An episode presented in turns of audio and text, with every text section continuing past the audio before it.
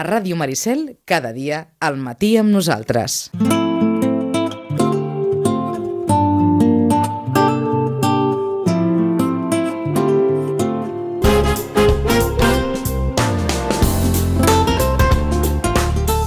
Una agenda de les biblioteques que, que avui dimarts coincideix amb la setmana de Sant Jordi, probablement doncs, la setmana gran de les, eh, de les biblioteques i que coincideix precisament avui a les 7 de la tarda eh, al pati del, del Miramar amb aquesta primera edició del Pregó de Sant Jordi que, que s'ha organitzat doncs, també per donar el tret de sortida a les activitats, unes activitats que, que ara que es dona el tret de sortida a través del Pregó de Sant Jordi ja fa dies que, que, que han començat. I qui millor per fer el Pregó de Sant Jordi?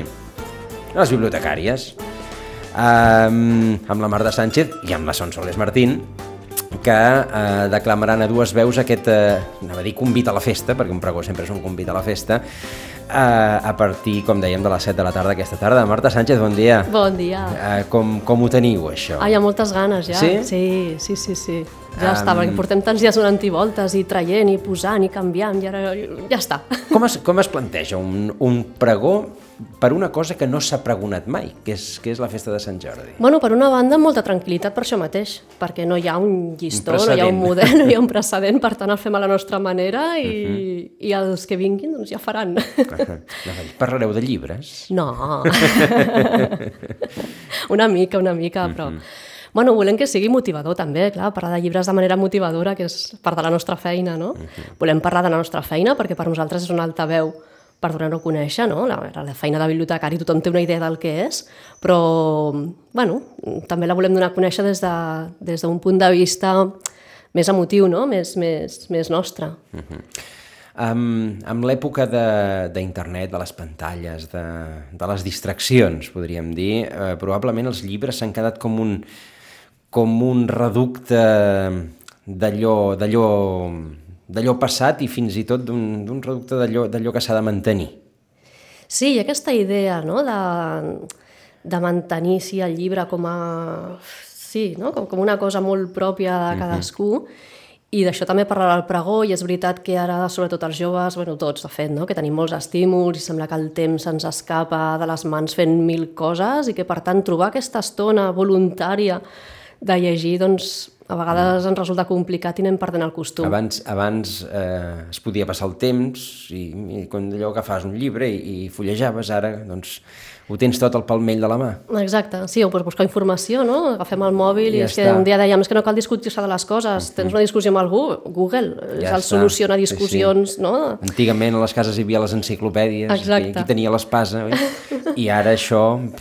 Clar, tampoc podem anar de contracorrent Mhm. d'això, és, és així, no? Però de totes maneres, doncs, bueno, eh, els llibres també ens aporten moltes coses, llibres en qualsevol format, tampoc no ens tanquem en el pregó, Mhm. doncs parlarem de llibres, però estarem pensant cadascú en el seu format preferit de llibre, no? Perquè- O depèn de la circumstància. Perquè el llibre també s'ha actualitzat a la modernitat. Moltes vegades quan ens portes aquí eh, llibres per, per comentar-nos eh, eh, i suggeriments de, de, de lectura que us arriben a les biblioteques, són llibres il·lustrats, llibres que, que expliquen fins i tot més en el format, moltes vegades que en el contingut. Exacte, sí, és que els llibres, per, direm, infantils, però que al final les coses ben fetes són per tothom, no? sempre uh -huh. ho diem, o àlbums il·lustrats que, que són meravella per tothom, però sí que és veritat que per, pels petits tot la producció editorial ha evolucionat moltíssim i cap a bé, i bé, doncs és qüestió no, de, de les famílies, les escoles, tota la feina que es fa per, no, doncs, per posar aquest coquet de la lectura i dels llibres, que al final és com una joguina més, no? quan són petitons, doncs que no es perdi, o en tot cas, no, que al llarg de la vida, doncs, amb totes les etapes que es passen, i evidentment doncs, hi ha mm, etapes que es llegeix més, etapes que es llegeix menys, però sí hi ha aquesta llavor doncs, que, bueno, que en algun moment no, torni a rebrotar, però sí que és veritat que tota la producció editorial ara que més és tan, tan enorme i tan per a tots els gustos, doncs realment tothom té un llibre esperant-lo que serà el seu preferit. La qüestió és posar-hi voluntat de descobrir-ho qui vulgui, no? Però, Correcte. però qui no ho vulgui, hi ha alguna cosa a la vida que es perd. Ah, exacte. Tot i que eh, eh, també costa, eh, a vegades, de, de trobar allò que segur que ens agrada, però entre tanta mar eh, marasma de coses que, que ens ofereixen doncs és, eh, Sí, és per complicat això de tant les biblioteques, no? com llibreries, o tenim també aquest paper de, de, De pont, consellers. no? de, de consellers, per tant també és part important de la nostra feina i a més una part agradable. També en parlarem d'això. Anava a dir nervioses o què? Uh, nerviosa, amb aquells nervis bons, no? Perquè clar, és una cosa nova i a veure, eh, estem acostumades a tenir classes, per exemple, al davant i per tant, no? parlar davant de nens i nenes o d'explicar un conte o de fer una presentació en una activitat de la biblioteca, però clar, no, és ben bé el mateix, evidentment, per tant, bueno, sí, aquests, aquests nervis, suposo que se'ns notarà molt els primers minuts i després espero que ja està, ja... Però ho normal, no? Que tothom que s'enfronta això, un micròfon, a tenir gent al davant i haver d'explicar bueno, anirem llegint, anirem fent, però bueno, en tot cas segur que, que, bueno, que la gent que estigui al davant serà comprensiva amb aquests nervis Això de ben, normals. de ben segur. Serà avui a les 7 de la tarda, en principi a l'exterior, al pati del Miramar. Si les circumstàncies meteorològiques així ho obliguessin, eh, es traslladaria a l'interior. Exacte, a l'auditori I, i, allà està. estarem, la mar de ben I família. allà, sí, sí. ah, exacte, i allà estareu, pregó de Sant Jordi, primer pregó de Sant Jordi, que doncs, és el tret de sortida ja oficial eh, a les nombrosíssimes activitats que mm, es fan a Sitges, coincidint amb aquesta setmana gran dels, dels llibres i que repassarem, segur, Mhm. ara, ara mateix en l'agenda. Molt bé, doncs sí, de fet a les biblioteques ja hem fet algun acte uh relacionat amb els llibres, amb Sant Jordi previs, però com deius, no? que ara ve la setmana, la setmana gran, no només en biblioteques, evidentment, eh, farem aquesta repassada doncs, aquesta última quinzena d'abril. Comencem avui amb el pregó, però això ja està dit. en tot cas, convidem a tothom que vingui i, i que passem una estona, doncs això, no? parlant de, de Sant Jordi, de llibres, de lectura, en fi. Uh, demà, demà dimecres, dia 20, a dos quarts de sis, a la Biblioteca Santiago Rossinyol tenim l'Hora del Conte, la veritable història de Sant Jordi, a càrrec de Santi Rovira, que és un dels grans narradors de, de contes. I en Santi ens explicarà una llegenda de Sant Jordi amb un drac refredat, una princesa valenta i un Sant Jordi que plora. Doncs no sabem ben bé com acabarà tot això. Acostuma a passar eh, que els narradors de...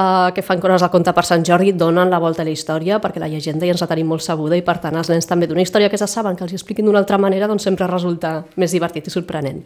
En aquest cas, doncs, la veritable història de Sant Jordi, a càrrec de Santi Rovira demà, a la Biblioteca Santiago Rossinyol. El demà també, a dos quarts de set de la tarda, a la Biblioteca Josep Roig i Reventós, per un públic adult, tindrem la tertúlia literària a càrrec d'Helena Cejas i ella ens parlarà de A l'abril, llibres 1000. Serà també una reflexió al voltant del món dels llibres, com ha evolucionat la novel·la en les, en les darreres dècades, això que parlàvem, si aquest augment de publicacions de, de títols, de premis literaris, d'edicions, no? doncs tot això cap a on porta, si realment és bona senyal no? del nivell lector o, i quins d'aquests títols després perduraran en els temps. Doncs farem uh -huh. aquestes reflexions eh, amb l'Helena Cejas a la Biblioteca Josep Roig i Reventós. D'acord. El dijous 21, a dos quarts de sis de la tarda, també a la Biblioteca Josep Roig i Reventós, hi ha la presentació del llibre, de l'altre llibre del drac, dels dos que s'han que s'han publicat aquest any, La cua del drac, una història que portarà cua, de Marc i Susanna Macià. Uh -huh. Aquest llibre, com dèiem, és un dels dos llibres que s'ha publicat sobre, sobre el drac i en Fer es va convertir en drac de la Bela Artigas i la Núria Fortunyes, l'altre que es va presentar dissabte. Correcte, i del qual a l'hora anterior hem parlat, ha, ha parlat amb, amb Vicenç Llastues. Ah, Exacte. Doncs a la cua del drac, el drac ha perdut la seva cua i just ara que fa 100 anys, ja és mala sort. Els nens i nenes que llegeixin aquest llibre doncs, acompanyaran a la Fera Foguera per trobar aquesta cua, donant un vol per diferents racons de Sitges i coneixent alguns dels seus personatges més coneguts. Uh -huh. És un llibre infantil, eh, però per tota la família. De fet, té dos tipus de lletra, la lletra de pal, la lletra d'impremta, per tenir també diferents nivells de lectura i que els més petitets també puguin llegir i mirar els dibuixos d'aquest llibre. I també es pot adquirir amb una cua, una cua de veritat, de drac de veritat, amb l'autèntic dibuix del drac i se la poden posar a la, a la cintura i jugar, que són també la fera foguera. Per tant, hi ha aquesta possibilitat també de tenir el compte amb aquesta, amb aquesta cua cosida a mà, una a una, ens diuen. Déu-n'hi-do. El divendres 22, a dos quarts de sis de la tarda, a la Biblioteca Josep Roig i Reventós, seguim amb els dracs. Tenim una setmana amb molts de dracs. Hora del conte, a càrrec d'Anna Garcia, Adeu, drac, adeu. Aquesta història va passar fa molt de temps en un dels països més antics i més importants de la Terra i va succeir a la persona més famosa d'aquell país, a la seva princeseta, que era molt jugatona, molt, molt petitona, molt juganera, i és una adaptació del conte d'Alberto Urdiales, recomanat a partir de 3 anys, per tant, més llibres, més contes de dracs i de princeses. Uh -huh. El divendres 22 a les 6 de la tarda, a la Biblioteca Santiago Rossinyol, tenim una xerrada sobre un gènere de novel·la, la, la novel·la negra, la novel·la policíaca en concret, i per a fer aquesta xerrada comptarem amb el cap de la Unitat Central d'Inspeccions Oculars dels Mossos d'Esquadra. I aquesta persona, experta en el seu tema, explicarà quin és el paper d'aquests especialistes de la policia en les escenes del crim i de com apareixen dibuixats, narrats, explicats en els llibres de, això, de novel·la policíaca. Què hi ha de veritat, què hi ha de mentida, què hi ha de ficció, què hi ha de real i en, en aquestes escenes, no? en, aquest, uh -huh. en aquestes sí, d'aquestes escenes tant de llibres com en fi, de, la, de la vida real. Interessant aquesta, aquesta proposta, contrastar la realitat, l'expert, el professional, amb com aquests experts són dibuixats a les novel·les d'aquest gènere, que és la novel·la negra, que és un dels gèneres que, que evidentment eh, guanya de, de carrer en la publicació d'obres. Exacte. Aquesta xerrada està organitzada pel grup Lluna Negra. Tenen mhm. un club de lectura especialitat en novel·la negra i, per tant, també grans experts del gènere.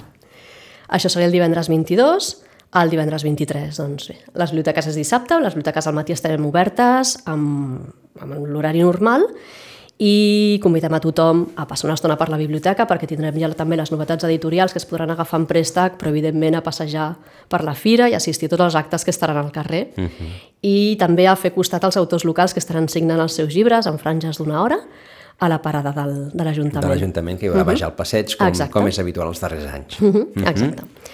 El dilluns 25, a partir de, les, de, la, de dos quarts de sis de la tarda, tenim una... Bé, és dilluns 25, però bueno, ara ho explico així en bloc. Dilluns 25, dimarts 26 i dimecres 27 celebrem a la Biblioteca Santiago Rossinyol el Dia Internacional de la Dansa, que és el divendres 29. En aquests tres dies, dilluns, dimarts i dimecres, qui estigui a la biblioteca o qui vingui es anirà trobant tastets de dansa a la biblioteca en diferents llocs, uh -huh. en, petits, mm, en petites estonetes, duraran 5 minutets, 10 minutets, però tindrem dansa al pati, a la sala d'adults, a la segona planta, en fi. Eh, qui vingui a estudiar aquests 3 dies, si es troba música, si es troba castanyola, si es troba sevillana, si es troba dansa clàssica, doncs és el que hi ha perquè és el dia de la dansa i ho estem celebrant. Uh -huh. D'acord? Doncs ara o sigui, sí que repasso. Els 3 dies. Els 3 dies. El dilluns 25 a dos quarts de 6, de, sí, a dos quarts de 6 jo dic bé, tindrem tres sessions de Castanyoles amb ball de Sevillanes i això anirà a càrrec del el Prado de Sitges Valla, que és un grup coordinat per la Maite Ferrer. El dimarts 26, a partir de les dos quarts de quatre, també tindrem aquesta dansa entre llibres, amb l'esplai de dansa del Casino Prado, conduït per la Sílvia Paretes, i tindrem grups de les senyores, el grup d'adults, les senyores, que estaran uh -huh. dansant al pati, i després a la sala infantil, a un duo d'adults i també un, un grup de petits contemporani, doncs faran diferents escenes de Ramó i Julieta, en fi, doncs diferents escenes d'uns minutets de dansa. I el dimecres 27 també anirà a càrrec del mateix esplai de dansa del Casino Prado i també a partir de les 6 doncs, trobarem aquests tastets de dansa per la biblioteca. D'acord, doncs aquests eh, tastets de dansa per celebrar el que serà el divendres 29, el Dia Internacional de la Dansa. Exacte. Anirà també acompanyat a l'exposició que fem normalment a les vitrines, doncs també tindrem una exposició de llibres i d'objectes sobre dansa que es podran veure des del 25 fins al 6 de maig, uh -huh. a les vitrines d'entrada de la biblioteca. El dimecres 27, a dos quarts de sis, a la Biblioteca Josep Roig i Reventós, seguim amb els bibliotallers i en aquesta ocasió ens anem amb els animals, estimats animals, i com sempre amb aquests bibliotallers tindrem la narració d'un conte, la xerrada sobre aquest conte explicat, una mica de, bueno, de, de reflexió amb els nens i nenes, i finalment es fa una manualitat relacionada. Per tant, relacionem, no? unim aquesta part d'explicar el conte, de parlar uh -huh. sobre el conte, no és club de lectura, però en fi, a veure quins fils podem estirar i acabar fent una manualitat per aquesta activitat, pel taller, sempre és recomanat a partir de 6 anys i amb inscripció prèvia a la Biblioteca Josep Roig i Reventós, per correu electrònic o per telèfon. D'acord. El dijous 28, a dos quarts de set, a la Biblioteca Santiago Rossinyol, seguint amb la dansa, perquè coincideix que el Gran Teatre del Liceu estaran programant Giselle, uh mhm. -huh. i per tant el Liceu VIP comentarà aquesta, aquesta obra, Eh, té dramatúrgia i coreografia de gran cant i està considerada com un dels millors espectacles coreogràfics europeus. És un ballet i ens en parlarà la Maribel Prades, gran experta també en, en música i en dansa i sobretot en ballet. Uh mhm. -huh. Està coordinat pels Amics de l'Òpera de Sitges, com sempre, aquests, Tot... aquestes xerrades del Liceu VIP. Del Liceu VIP. Uh mhm. -huh.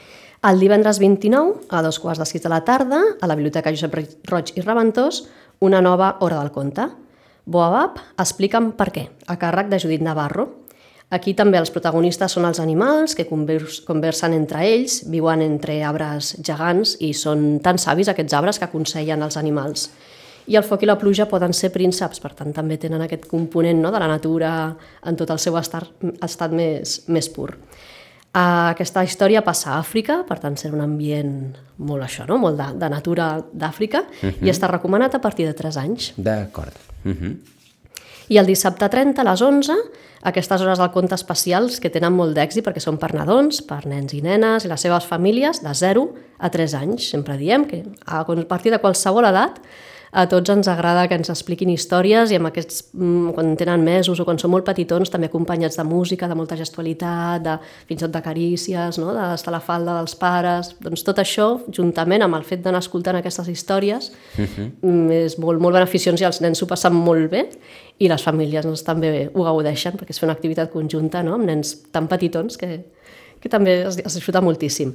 En aquesta ocasió, la Sara Genovart ens explicarà la conilleta Mary, li agrada molt ballar la conieta Mary, estem molt dansarines aquest, mm -hmm. aquest final d'abril.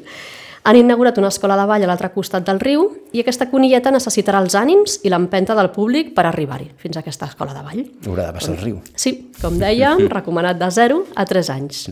Una bona experiència per passar en família.